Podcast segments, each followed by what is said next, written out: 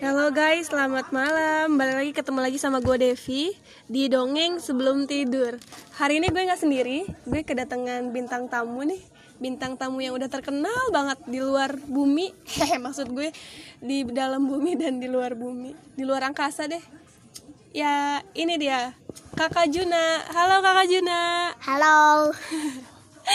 Jadi Kakak Juna ini dia ponakan gue, umurnya umurnya berapa? 40 tahun. Ma maaf, maaf. Maksud gue umurnya berapa, Kak? Oh, 4 tahun katanya. 4 tahun. lima tahun ulang tahun. Oh, bentar lagi Februari ini dia ulang tahun yang kelima katanya, guys. Oh ya, di dongeng sebelum tidur ini gue mau cerita apa ya? Kita cerita apa ya, Kak Juna? aja. Cerita tentang apa?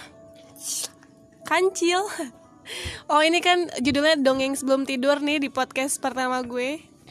Katanya dia mau ceritain soal kancil. Wah, apa?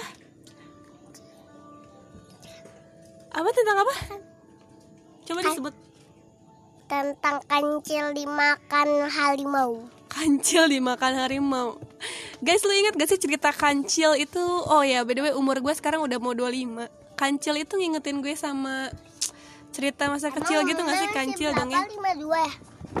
oh my god Umur gue 25 kak 24 deh maaf Gimana kak? Jadi kancil dimakan harimau tuh ceritanya di mana?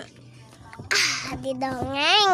Iya di dongeng sebelum tidur tuh kancil dimakan harimau tuh si Kancil tuh apa sebenarnya coba?